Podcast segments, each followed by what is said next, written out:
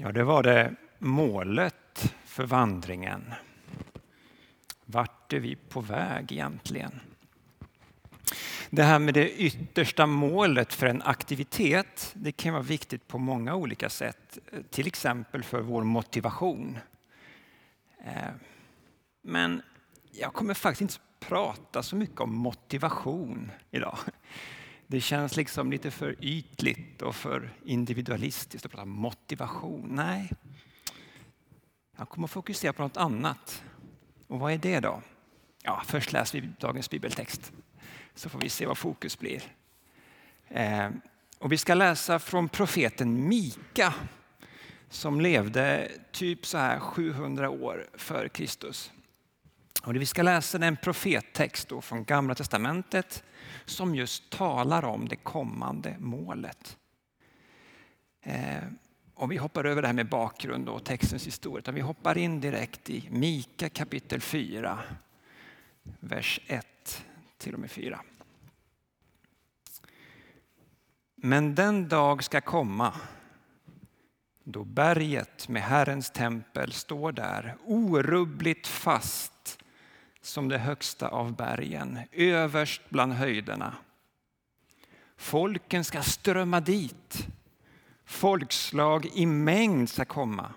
Och de ska säga, låt oss gå upp till Herrens berg, till Jakobs Guds tempel. Han ska lära oss sina vägar. Hans stigar vill vi följa. Ty från Sion ska lag förkunnas, från Jerusalem Herrens ord. Han ska döma mellan alla folk, skipa rätt bland mäktiga folkslag i fjärran. De ska smida om sina svärd till plogbillar och sina spjut till vingårdsknivar. Folken ska inte lyfta svärd mot varandra och aldrig mer övas för krig. Var och en ska sitta under sin vinstock och sitt fikonträd och ingen ska hota honom. Herren Sebaot har talat. Mm. En dag i framtiden, det, det är vårt kristna hopp, en dag i framtiden kommer Gud att förnya den här fysiska världen som vi befinner oss i. Hör du vad jag sa? Vårt hopp är inte en andlig diffus eh, skuggtillvaro i någon slags andlig värld där vi svävar omkring på moln och spelar harpa. Utan den här världen som vi lever i, ja den är trasig. Och det är just den här världen som en dag kommer att bli hel. Inte för att vi är så smarta då, utan på grund av att Kristus, han som en gång besegrade döden, han kommer att bli synlig igen. Det är vårt hopp, det är vår tro. Och det kan se ut som dårskap och önsketänkande, men det är vår kristna tro. Vår tro är att Jesus nu med sin kropp befinner sig i himlen, det vill säga vad är det? Ja, men det är någon slags dimension av tillvaron och verkligheten som, som vi inte kan se men som ändå på något sätt finns nära oss. Alltså i himlen, där sker Guds vilja fullt ut. Det är därför vi ber, ske din vilja så som i himlen, så och på jorden. Så att man kan säga att Jesus är både, alltså både nära och långt borta samtidigt. Ehm, han är inte långt borta från någon enda av oss. Ehm, ehm, på ett sätt, för himlen är inte en plats långt borta. Och ändå kan vi inte ta på honom. För den kropp som är Jesus är än så länge i himlen, i den här dimensionen som, ja, som vi inte kan ta på, men som ändå på något sätt finns nära oss. Och när Bibeln ska tala om det som kommer i framtiden då, eh, så uttrycks det på olika sätt och ett av de sätten det var det vi läste nyss. Då. Det ska komma ett nytt Jerusalem. Och vi är så att säga på vandring dit. Rent geografiskt så ligger Jerusalem i ett bergigt område på en platå, typ så 700 meter över havet har jag läst mig till. Eh, och i texten så läste vi faktiskt om att folk är på väg upp till Jerusalem. Det finns en rörelse i texten, en dynamik. Det är folk på väg. Ja, det står om folkslag i mängd. Som, och de här människorna de liksom strömmar till. Va? Det finns en dynamik i texten, det händer saker. Och vet du, du och jag, vi finns, vi finns med i den här texten. Vi finns med där. Vi är med bland de här folkslagen i mängd som strömmar till. Vi är på väg mot det himmelska Jerusalem. Vi finns med i texten idag. Och vi säger till varann, vad var det vi läste? Låt oss gå upp till Herrens berg. Så vi finns med i texten, på väg uppför till platån på resan. Till platån där Guds stad väntar på oss. Men då är vi ju inte där än, eller hur? Det är ganska svettigt på stigen. Eh, och nu kommer vi till det som jag vill ska vara fokus idag. Om det inte var motivation, vad var det? Om det är det här, även om vi inte är framme än, så kan vi ändå under resans gång, så kan vi ändå få uppleva en gnutta av målet åtminstone redan här och nu. Jag säger det igen. Även om vi inte är framme än, så kan vi ändå under resans gång få uppleva i alla fall en gnutta av målet redan här och nu. Förstår du nu varför jag tycker att motivation inte är ett ord som fångar det där riktigt? För att motivation det är någonting som, alltså det är ett psykologiskt begrepp. Va? Det, är, det är någonting som föds inom mig. Va? Och det vi ska fokusera på det är mycket större. Det handlar om hur målet, fastän det är långt bort ehm, och utanför oss på något sätt, eh, hur det här målet faktiskt i verkligheten, medan vi knallar så kommer oss till mötes på något sätt. Hur funkar det? Jo, men så här. Ehm, vi knallar och vi gnetar och vi kämpar på. Men oj! Helt plötsligt så kommer som en vindpust från den här staden. Bara möter oss. Det blåser en vindpust från vårt avlägsna mål. Och den här vinden den för med sig någonting till oss. Och helt plötsligt så, så omges vi av någon atmosfär. Av någonting som kommer från staden på berget. En försmak redan här och nu under vandringens gång. Så redan nu så kan vi leva i enlighet med i alla fall delar av det som gäller där framme. Inte fullt ut, men ändå. Så fokus idag det är inte peptalk. Det handlar inte om psykologi och motivation. Nej, det är något mycket viktigare. Det handlar om framtidens objektiva närvaro här och nu. Vi kan uppleva framtiden här och nu. Tillbaks till texten. Utifrån den så ska vi lära oss tre saker om vårt mål. Och vi ska se hur de här tre sakerna faktiskt kommer oss till mötes redan under vandringen. För det första. Beskrivningen av det här framtida Jerusalem det, det förmedlar en känsla av någon slags stabilitet. Tänkte du på det? Det talas om orubblig fasthet. Det är fint. Orubblig fasthet. Och oj, vad, vi, vi behöver ju verkligen stabilitet, eller hur? I den här världen där så mycket skakar och gungar. Både, både bildligt och bokstavligt. Och vi söker någonting att hålla oss i. Och vi är alltså på väg mot det starkaste, mest stabila som finns. Och, och då funkar det så här att Gud har i sin nåd gett oss förmånen att kunna få importera en liten del av den här framtida stabiliteten in i våra egna liv. Det är liksom den helige Andes importaktiebolag. Det importeras från framtiden in i våra liv. Så det är inte bara det att målet motiverar oss, även också det. Nej, vår tro är att en liten del av den här styrkan som ska känneteckna det himmelska Jerusalem, det kan vi verkligen få uppleva här och nu. Inte fullt ut, inte alltid, inte automatiskt genom att uppfylla en viss ritual eller så, men ändå. Det finns där. mitt i vår brustenhet, mitt bland sprickorna, mitt i den mörkaste dal under resans gång så kan vi få uppleva Guds närvaro och det ger oss kraft att fortsätta. Och jag tror att vi är många här som kan vittna om det att ibland när vi minst anade det ehm, så har vi fått uppleva den här vindpusten. Det hände något. Anden kom. Vindpusten från Guds stad. Och vi känner att vi får någon slags inre stabilitet som vi inte trodde fanns. Målet kan faktiskt påverka nuet. Det är på riktigt. Och det här ska givetvis inte förstås som en uppmaning att det är okej okay att slarva med sin kropp eller att nonchalera våra behov av sömn och mat eller liksom något sånt där. Att vara överandlig på det sättet, det är inte det det handlar om. Eh, den här vindpusten från målet, den gör oss inte till övermänniskor utan den hjälper oss att vara sanna människor. Så det är ingen uppmaning att vara överandlig, någon slags eh, så här, du vet, förakta kroppens behov eller så. Nej, nej. Gud tar inte bort det faktum att vi är människor.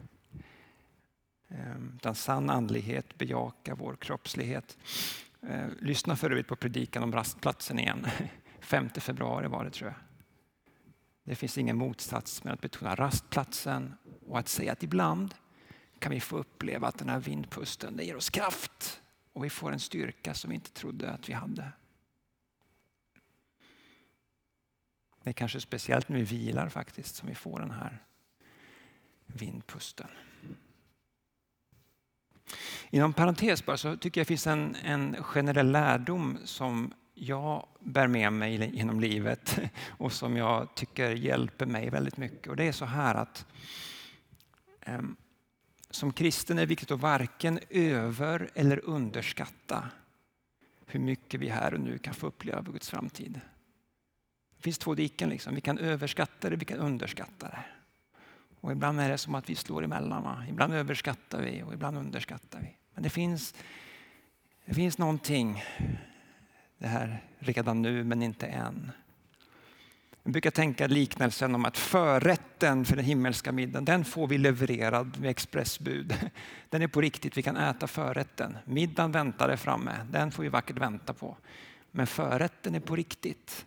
Och vi kan uppleva verkligheten i Guds rike här och nu. Direkt import från framtiden för förrätten. Men middagen har vi inte fått den. Den väntar. Det var det första. För det andra, Gud är enligt Mika då som en rättvis domare som en dag ska ställa allting till rätta. Och det är ju så att en rättvis värld, det är vårt hopp. Det är så mycket orättvisor här i den här världen. Men då är det vår skyldighet att medan vi är på väg, eh, då är det vår skyldighet att enskilt och som, som gemenskap faktiskt importera lite av den här framtida rättvisan in i nuet. Och det är bland annat därför vi tar upp kollekt som vi gjorde för en liten stund sedan. Alltså kollekten, på ett sätt, kollekten handlar delvis om att utmana orättvisorna genom att så att säga importera lite av Guds rättvisa in i framtiden. Vi kan inte bara tänka att ja, men det där med rättvisan, det, det är en framtidsfråga. Det, det, får Gud fixa till i framtiden. Jag behöver inte bry mig, för det, är ju, det löser Gud sen. Nej, så är det inte. Då tänker man så Man har man missat poängen. Utan vi har som kyrka ett specifikt uppdrag att det är att förkunna i ord och handling att Jesus är Herre. Och då är det förresten väldigt orättvist ehm, att inte alla människor på den här jorden har fått höra det här budskapet. Evangelisation är också en rättvisefråga. Ehm, så min poäng nu är att det finns många olika former av orättvisor och alla möjliga typer av orättvisor är vi kallade som församling att utmana. Och det gör vi bland annat genom att ge konkret. Vi importerar lite av den framtida rättvisan och omdistribuerar det, det vi har för att göra den här försmaken möjlig. Så vårt framtida hopp, det är viktigt att säga, vårt framtida hopp, det gör oss inte blinda för nuets behov. Tvärtom, det, det, tvärtom hoppet öppnar våra ögon. Så vi är, på, vi är ett folk på väg mot rättvisans Jerusalem.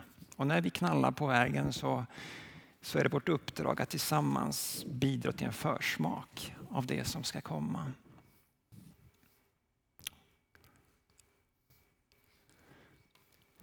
Och så var det för det tredje det där med freden. Vad var det vi läste egentligen? Bland annat läste vi att folken skall inte lyfta svärd mot varandra och aldrig mer övas för krig. Wow. Aldrig mer övas för krig. Så lumpen kommer inte att finnas längre. Det var det vi läste. Och jag skulle speciellt nu vilja vända mig till dig som kanske just nu brottas och genuint kämpar med den här frågan om militärtjänstgöring. Ehm, det har inte varit så aktuellt de sista 30 åren kan man säga. Men det är det igen. Så speciellt till dig och ni andra ni får hänga på. Ehm, du känner till orden från evangelierna och resten av Nya Testamentet om att inte bemöta ont med ont, att inte ge igen, att vända andra kinden till, att älska sina fiender och så vidare. Du, du känner till allt det där och det är viktigt för dig för du vill följa Jesus. Och samtidigt så, så hör du andra röster som säger att det är kanske naivt att fästa allt för stor vikt vid det där. Att man måste ta ansvar för sitt land och vara realist. Um, och att ibland måste även en kristen kunna bära vapen. Och så kämpar du med det där. Du får inte de där, du får inte gå ihop liksom. För du brottas genuint med det här, inte som en, en, en intellektuell fråga utan som faktiskt något djupt existentiellt för dig. Hur ska du göra med den frågan? Um, lite personligt då, när jag mönstrade för 30 år sedan, det är så hemskt att säga men det var 30 år sedan, drygt till och med, eller ja, Eh, när jag gjorde det så var min inställning att jag som lärjunge till Jesus inte kunde bära vapen. Det var en slags intuitiv övertygelse. Inte så genomtänkt faktiskt. Men det hade, så var det då. En ganska kort därefter så började jag ifrågasätta den här övertygelsen. Ehm, jag blev påverkad inte minst av C.S. Lewis och läran om det rättfärdiga kriget. Eh, och som betyder då att det är ju tron att, att en kristen så att säga, ändå ibland bör delta i det väpnade eh, försvaret av landet. Ehm, så jag, jag började ifrågasätta det här och, och eh, var nog inne rätt mycket på den linjen ett antal år. Men hur som helst, den, den fasen varar inte så länge för att jag har faktiskt sedan länge återgått till min ungdoms övertygelse ehm, om att militärt våld inte är någonting för en lärjunge. Och jag berättar det här för dig just nu därför att om du brottas med det här så vill du ska förstå att jag, jag förstår dig. Jag har varit där själv och brottats med den frågan. Mm. Det som fick mig att gå tillbaks till min ursprungliga övertygelse det var egentligen en fördjupad förståelse av Guds rike och församlingar och vad det innebär att tillhöra Guds folk. Så, så mitt råd till dig som du kämpar med de här frågorna det är att låt det vara ett tillfälle att fördjupa helheten i din tro. Eh, att tillsammans med andra och kanske med en klok andlig vägledare reflektera över vad det innebär att vara kristen. Vad är den kristna församlingen för något egentligen? Ja, är vi bara en förening för religiöst intresserade människor eller är vi något mer? Ehm, och vad får det för faktiska konsekvenser om vi påstår att Jesus är Herre? Ehm, så förutom den här uppmaningen då till vad ska man säga, fördjupad reflektion, för jag tror det är det som behövs om man brottas med de här frågorna. Ehm, förutom det så skulle jag faktiskt vilja ge dig en liten, vad ska vi kalla det för? Vi kanske kan kalla det för en andlig övning. Kanske. Och kanske vågar jag uppmana dig då att, att göra det här kanske varje dag fram till påsk. Eh, om du, du verkligen brottas med den här frågan. Och den här lilla övningen den, den är som följer. Eh, blunda och försök föreställa dig Jesus i uniform. Med en kulspruta. I full färd med att skjuta en 20-årig grabb sönder och samman. Det är brutalt, men det är det det handlar om. Krig är brutalt. Kan du se det framför dig? evangeliernas Jesus med en kulspruta. Um, jag kan inte det. Och jag skulle vädja till oss att inte vara för snabba med att rationalisera bort det här. Liksom, att, ja, ja. Utan låt det sjunka in i hjärtat. Alltså Jesus är ju den vi följer, eller hur? På den här vandringen. Han är vår Herre. Så vem är det vi följer? Vad är det vi ser i evangelierna?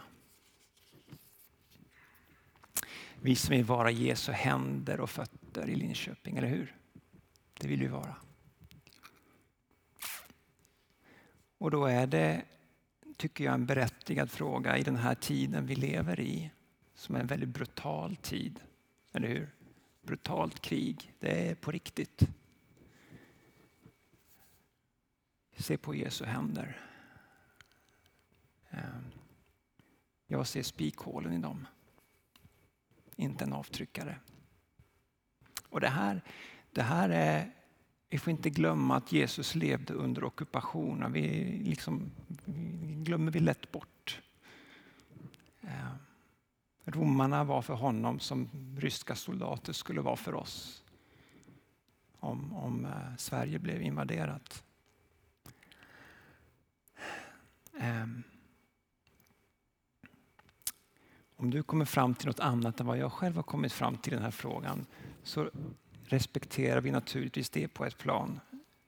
Eh, vi respekterar varandra. Och det är viktigt att säga att i Ryttargårdskyrkan ägnar vi ägnar oss inte åt shaming eller att dumförklara varandra. Eh, vi ägnar oss åt att försöka vara lärjungar till Jesus. Det är det vi ägnar oss åt, att hjälpa varandra så gott vi kan. Eh. Men jag tycker man, hur man än kommer fram, hur man än landar själv i den här frågan, så tycker jag man, man kan säga att otvetydigt, tror jag, det hoppas jag alla håller med om, att för oss kristna så är det ju aldrig så att ändamålet helgar medlen. Det brukar vi säga. Ändamålet helgar inte medlen. Istället kanske man kan säga att för oss kristna så är det målet som definierar medlen. Det är tre ord som är värda att fundera på. Målet definierar medlen. Och då påstår jag att om målet är fred så, så bör det för en kristen också medlen vara fredliga. Och enligt den här världens logik så är ju det jag sa just dårskap. Ehm. Men jag tycker att jag ser i evangelierna en djupare logik. Det himmelska Jerusalems logik. Och jag tänker att för min del så vill jag så gott jag kan leva ut den logiken i den här galna världen. Folken, läste vi, ska i framtiden inte lyfta svärd mot varandra och aldrig mer övas för krig. Det finns hopp i detta och det är så aktuellt i vår tid. Det är så aktuellt i vår tid.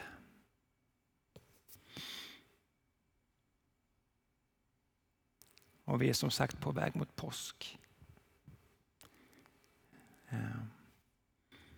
De sårade och genomborrade händernas högtid. Ja, hur landar man det här då? Dags för sammanfattning. Och om du tycker att det är all, allvarsamt så är det ju så att vi lever i en allvarsam tid så det är kanske inte så konstigt om vi i kyrkan faktiskt landar lite allvar ibland. Eller det är ju allvar. Men dags för lite sammanfattning och knyta ihop det här. Vi är på väg mot en helad och förnyad skapelse. Det är budskapet här idag. Det är vårt mål. Och på vår vandring uppåt emot staden, eh, då kan vi redan nu få nåden att liksom drabbas av en vindpust. Det kommer något mot oss till mötes. Och en liten del av det kan vi få importera i nuet. Mitt i vår brösthet och svaghet så kan vi få uppleva det.